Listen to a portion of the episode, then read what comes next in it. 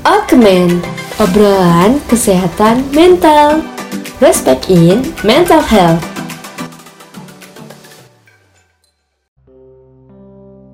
Halo semuanya, perkenalkan aku Risma. Selamat datang dalam podcast Okemen, obrolan kesehatan mental.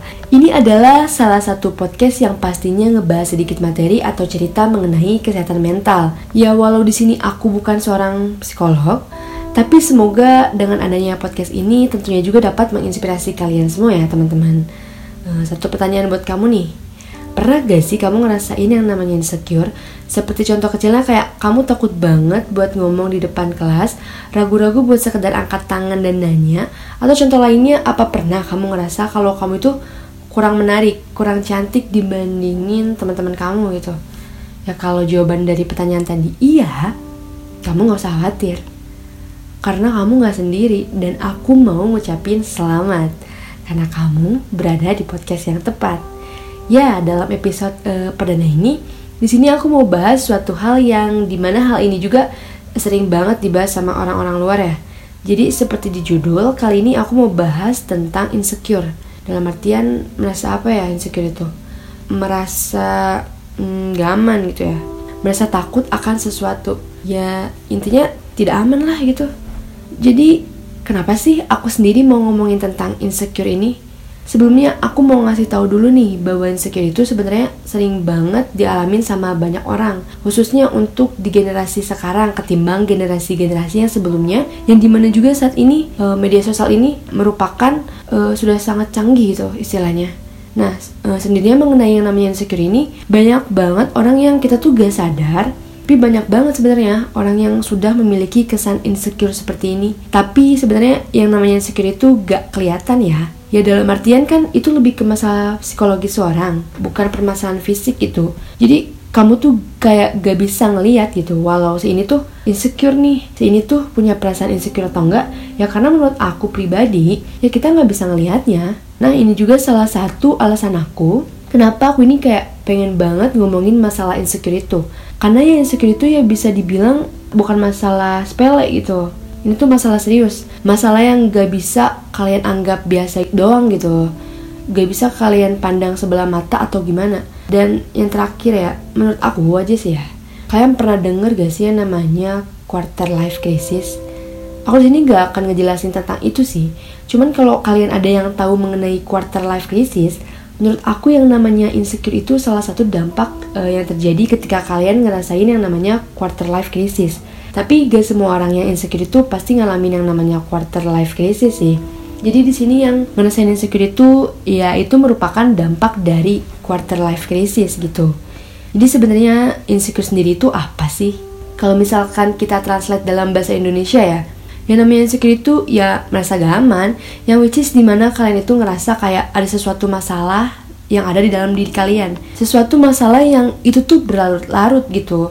Dalam artian berlarut-larut itu kamu ngerasain secara terus-menerus yang di mana tentunya juga ada hubungannya sama diri kamu sendiri dan juga ada hubungannya dengan lingkungan di sekitar dan dunia luar kamu gitu. Jadi insecure itu lebih ke perasaan di dalam hati dan pikiran kalian eh, lebih ke arah batin lah ya yang menurut aku juga yang namanya insecure itu uh, kalau misalnya kalian atau aku baca gitu ya dari beberapa artikel dari sumber internet lah ya. Sebenarnya orang insecure itu apa sih ya? Jadi gini kalau yang namanya insecurity insecure itu jadi orang itu mereka tuh lebih memandang diri mereka rendah gitu. Hmm, rendah diri ya bukan rendah hati. Uh, seakan-akan aduh aku tuh siapa sih? Aduh aku bukan siapa-siapa. Aku tuh payah aku tuh gak jago dalam hal apa pun. Jadi seakan-akan kayak self esteem kamu tuh bakal turun gitu loh. Ngerti gak? Atau ibaratnya kayak kepercayaan diri kamu terhadap diri sendiri tuh udah gak ada sama sekali gitu. Bener-bener apa kayak ya udah nggak respect gitu sama diri sendiri. Bahkan kamu yang insecure ini juga sering banget menaruh uh, rasa curiga kepada orang lain atau kamu juga cenderung menghindari interaksi dengan orang lain karena kamu ngerasa diri kamu tuh gak penting terus ngerasa diri kamu tuh payah yang di mana sehingga akhirnya ah ya udahlah aku diem aja lah mendingan uh, aku tunggu sebuah keajaiban terjadi aja deh sama aku gitu sehingga ya udah mendingan aku diem gitu Terus juga uh, kamu yang insecure ini tuh pastinya kamu gak mau keluar dari zona nyaman. Jadi kamu tuh apa ya istilahnya? Kamu itu tetap stay sama lingkungan yang itu-itu aja gitu. Kamu takut mencoba sesuatu yang baru.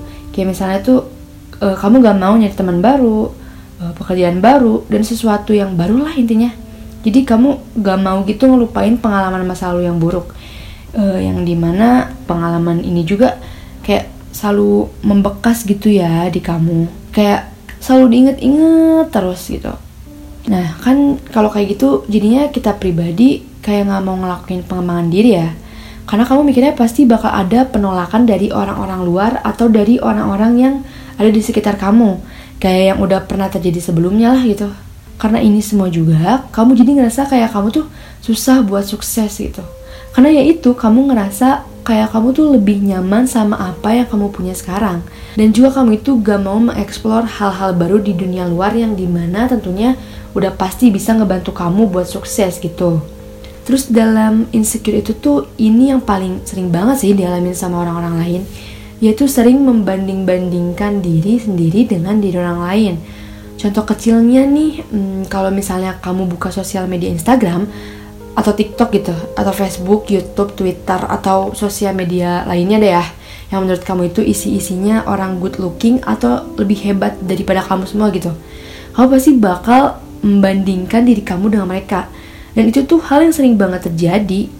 Iya gak sih? Kayak wah nih orang cantik nih. Nih orang kayak banget nih. Pinter juga lagi. Mana banyak temennya? Kok aku nggak ya? Kok aku payah ya? Kok aku kayak gak punya masa depan sih? Nah hal-hal yang kayak gitu tuh menurut aku uh, sering banget terjadi gitu. Karena apa? Karena ya sosial media menciptakan segalanya lebih transparan, lebih mudah untuk dilihat oleh orang-orang. Sehingga yang terjadi itu adalah kamu bakal uh, ngerasa bahwa ya udah aku kan payah ya daripada aku dibandingin sama orang lain, makanya aku mending diem aja deh gitu. Aku nggak ada apa-apanya lah dibandingin mereka jauh banget lah. Bisa apa sih aku kayak mereka? Gak bisa gitu. Terus juga nih orang yang secure ini tuh cenderung takut sih. Jadi kamu itu di sini sering banget ngalamin ketakutan yang berlebihan. E, maksudnya apa? Jadi gini, kalau menurut aku pribadi, orang yang mengalami ketakutan berlebihan tuh gini. Contoh kecilnya kamu memiliki ketakutan atas masa depan kamu. Ya, dalam artian kamu itu khawatir gitu. Nantinya kalau kamu itu bakal jadi apa sih? Terus kalau misalnya kamu gini terus, kamu pastinya gak tahu bakal mau ngelakuin apa nantinya kamu takut akan masa depan kamu kamu takut sama apa yang akan terjadi nah terus beberapa dari hari sekarang nih ya kamu bakal takut sama beberapa tahun yang akan datang terus nih yang uh, terakhir nih ya. Kamu sering banget ngerasa sulit untuk bisa uh, mengapresiasi diri kamu sendiri. Karena ya itu kamu ngerasa orang lain itu jauh lebih hebat dari kamu jauh lebih mampu dari kamu jauh lebih pinter dari kamu dan jauh lebih bisa ngelakuin hal-hal yang udah pernah kamu lakuin. Sehingga kamu gimana ya? Kamu jadi ngerasa kalau apa yang kamu lakuin itu gak ada apa-apanya dan jauh banget dari apa yang memang udah mereka lakuin nah ee, di balik itu semua apa sih yang bakal terjadi kalau insecure itu masih terus berlanjut ya jujur aku pribadi juga pasti pernah dong e, merasakan yang namanya insecure dan tentunya apa sih yang bakal terjadi kalau kita mengalami yang namanya insecure? Oke, kali ini sih aku mau bahas dikit ya. Pertama, kamu yang insecure ini pasti bakal ngerasain yang eh, namanya depresi. Semakin kamu insecure, semakin tinggi juga rasa cemas yang bakal kamu dapetin. Nah, rasa cemasnya ini ya udah pasti bakal ngaruh ke psikis kamu, psikis kamu gitu ya. Yang di mana tentunya bisa ngebuat kamu depresi. Rasa cemas ini juga tentunya bakal ngebuat kamu menjadi pribadi yang lebih tertutup, murung, mudah stres, mudah gelisah, dan selalu menganggap orang lain itu jauh lebih hebat dari kamu. Terus yang kedua, dengan adanya syukur ini, pastinya berpengaruh juga sama aktivitas sehari-hari kita yang di mana aktivitas-aktivitas tersebut menjadi uh, terasa sangat terganggu itu karena kan ada pikiran negatif yang menguasai pikiran kita yang pastinya juga bakal ngebuat aktivitas sehari-hari kamu menjadi eh, terganggu. Kamu jadi kurang bersemangat dalam menjalani kegiatan sehari-hari kamu. Nah, selain itu kemampuan kamu buat bersosialisasi juga jadi dirasa bisa kurang lah gitu. Karena di sisi lain, e, diri kamu ini merasa kayak kurang percaya diri untuk membangun relasi dengan orang lain gitu. Lalu yang e, ketiga ini kamu mudah menganggap bahwa diri kamu itu tidak berharga. Di sini kamu sering ngerasa bahwa kamu itu tuh gak berharga. Dalam artian kamu lebih mau menerima uh, diri kamu yang apa adanya gitu. Jadi gak mau ada usaha sedikit buat ngerubah uh, diri kamu itu jadi lebih baik. Karena kan pikir kamu itu ada orang lain yang jauh lebih baik dari kamu gitu. Makanya kamu kayak ya udah ngikutin arusnya aja gitu. Nah dengan adanya dengan pola pikir yang kayak gitu, tentu bisa ngebuat kita semua menjadi hilang atau patah semangat dalam ngelakuin uh, suatu hal gitu ya. Terus hal ini juga mirip ya sama uh, dampak insecure yang berupa paranoid. Uh, yang di mana paranoid ini bisa ngebuat kamu itu merasa gak bisa aja gitu percaya sama orang lain. Terus uh, lanjut yang keempat ya. Dengan adanya insecure ini pasti berpengaruh juga sama body image kita jadi di sini kamu bakal selalu mempersepsikan bahwa tubuh kamu itu kurang sempurna lah kasarnya mah. Kamu sering banget ngerasa bahwa diri kamu itu gak menarik, gak sesuai sama apa yang kamu mau gitu. Jadi jauh perfect deh sama dirinya orang-orang. Nah, dengan hal itu tentunya juga bisa mengakibatkan mental kita terganggu. Seperti halnya bisa ngeganggu pola makan kamu. Karena di sisi lain kamu pengen ngejaga badan, tapi kamu jadinya malah paranoid sendiri gitu sama makanan. Jadi ada ketakutan sendiri gitu untuk memenuhi kebutuhan makanan. Contoh kecilnya karena pengen kurus jadi gak mau makan lah Atau karena jerawatan jadi gak mau makan makanan yang macem-macem lah Atau hal-hal lain deh ya Nah hal-hal itu juga tentu berdampak menjadi sebuah gangguan kesehatan mental Yaitu depresi Selain itu dengan body image juga tentunya ada dampak lain juga yang bisa kamu dapetin.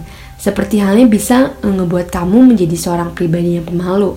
Pribadi yang selalu sadar diri dan menjadi seorang pribadi yang cemas akan tubuh. Yang di mana hal itu juga menjadikan kita sebagai seorang pribadi yang ternyata memang gak bisa untuk self love atau gak bisa gitu untuk mencintai diri sendiri. Uh, jadi gitu ya teman-teman. Bagaimana? Masih mau insecure ya enggak dong pastinya. Emang mungkin sasa sulit gitu ya buat ngilangin rasa insecure itu. Ya manusiawi lah ya insecure itu. Tapi ya tadi kan aku udah bahas juga ya bahwa insecure itu memang gak baik buat kesehatan mental kita. Ya, jadi sekarang mah kesadaran kita aja sih. Ya mau gak mau lah sekarang waktunya kita buat uh, mengontrol itu semua. Berhenti buat ngerasa yang namanya insecure. Tapi ya pasti kamu sendiri juga bingung kan ya harus ngapain ya harus mulai dari mana gitu untuk uh, ngeberhentiin rasa insecure ini ini aku sendiri juga abis ngutip sih dari beberapa sumber nih yang di mana mungkin bisa menjadi acuan kita buat uh, berhenti ngerasain yang namanya insecure. Langsung simak aja ya. Nih, yang pertama, nggak perlu ningkatin rasa percaya diri dengan omong kosong. Maksudnya omong kosong itu gimana sih? Ya, seperti halnya kamu bilang sama diri kamu, aku pasti jadi yang terbaik dan hebat nih. Aku pasti bisa melakukannya. Nah, hal yang kayak gitu tuh frasa umum yang ternyata malah bisa ngebuat diri kamu makin merasa semakin terpuruk gitu. Kenapa tuh? Kok bisa? Ya karena ini tuh adalah kebohongan yang terpaksa memang harus kamu yakini gitu. Jadi di sini sebaiknya ketika kamu merasa kurang yakin terhadap sesuatu hal, seenggaknya 75% lah kamu itu harus yakin bahwa kamu itu gak akan berhasil gitu. Dengan hal itu tentunya bisa nyadarin kamu bahwa memang faktanya Gak bisa semua hal itu bisa kalian atau kamu dapetin. Uh, dibandingin ngehibur diri dengan kata-kata kosong yang di mana bisa ngebuat kamu jadi makin ngerasa kecewa sama diri sendiri atau hilang motivasi yang mending biasa aja gitu. Gak usah terlalu yakin dan ambis. Lalu yang kedua kamu gak perlu ngebandingin diri kamu sama diri orang lain. Kamu sadar gak sih teman-teman dengan hadirnya sosial media pasti sering banget nih salah satu di antara kita itu atau ngebuat diri kita jadi mudah buat ngebandingin diri sendiri sama diri orang lain. Nah, hal itu tentunya bakal ngebuat kita ngerasa terpuruk juga dong pastinya. Kamu atau aku pribadi jadi mudah iri dengan apa yang dimiliki oleh orang lain. Padahal sebenarnya di media sosial itu seseorang hanya nampilin versi terbaiknya dari mereka aja gitu. Maka dari itu di sini kamu nggak perlu repot-repot ya ngebandingin kehidupan kita dengan orang lain Kan sayang banget ya kalau karena hal itu kita jadi mudah untuk insecure. Aduh, nggak banget sih ya. Lanjut yang ketiga nih. Kita pribadi harus menemukan kelebihan diri kita. Kamu harus ingat kalau kamu itu siapa. Apa sih yang penting buat diri kamu? Apa sih kelebihan yang ada di dalam diri kamu? Jadi intinya di sini kamu itu harus ngerasa uh, lebih banyak bersyukur. Contoh kecilnya kamu bisa sadar bahwa memang masih banyak keluarga kamu yang dukung uh, yang berarti gitu, yang benar-benar ngedukung kamu. Terus dalam menemukan kelebihan diri kamu, kamu bisa ngebangun fondasi keimanan kamu nih, makin taat gitu sama Tuhan, makin tegasin gitu nilai-nilai keimanan di dalam diri kamu. Maka hal ini pastinya bisa ngebuat uh, rasa insecure yang kita miliki itu bisa memudar dengan sendirinya. Jadi di sini aku atau kamu gak akan berfokus lagi deh buat ngebandingin diri sendiri dengan orang lain. Lalu yang keempat, fokuslah untuk menjadi diri sendiri gitu. Misalnya ketika kamu merasa insecure saat bergaul dengan teman-teman, ya mungkin kamu mudah tergoda gitu kan ya buat meniru perilaku mereka yang uh, begitu nampak percaya diri. Tapi sebenarnya alih-alih yang ingin kita tiru itu ternyata cuma karena ingin mengikuti jejak mereka aja jadi makanya di sini kita perlu untuk fokus sama upaya diri sendiri aja. Jadi gak usah ikut-ikutan gitu. Kita harus megang prinsip yang kurang lebihnya kayak gini. Aku atau kamu gak perlu menjadi pusat perhatian. Tapi aku sama kamu harus yakin bahwa pribadi kita itu emang unik, gak bisa juga dimiliki oleh orang lain. Lalu yang terakhir, kamu mesti ingat nih, hal-hal baik pencapaian baik apa sih yang selama ini udah kamu lakuin? Kamu perlu nginget-nginget hal baik apa sih udah kamu lakuin buat diri kamu?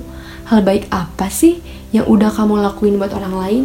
Uh, dengan mengingat hal-hal kecil kayak gitu, tentunya bisa ngebuat diri kamu juga uh, semakin termotivasi lagi ke depannya.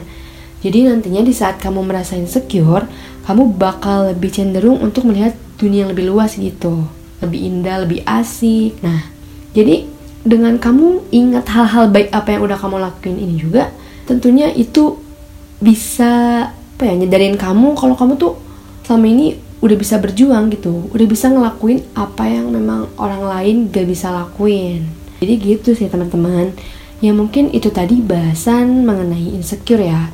Mulai dari pengertian insecure ciri-ciri orang insecure eh, lalu dan bagaimana sih cara mengatasi insecure-nya tadi gitu Ya mungkin aku pribadi cuma bisa ngejelasin segitu dulu. Kurang lebihnya ya mohon maaf. Maaf kalau emang dalam penyampaiannya aku pribadi masih banyak kekurangan. Ya harap dimaklum ya karena aku masih belajar. Sebelumnya di sini aku juga mau ngucapin terima kasih banyak buat teman-teman semua yang udah mau dengerin podcast aku. Ya jangan lupa untuk stay tune terus di podcast aku ya. Eh, Sampai jumpa di episode selanjutnya. Dadah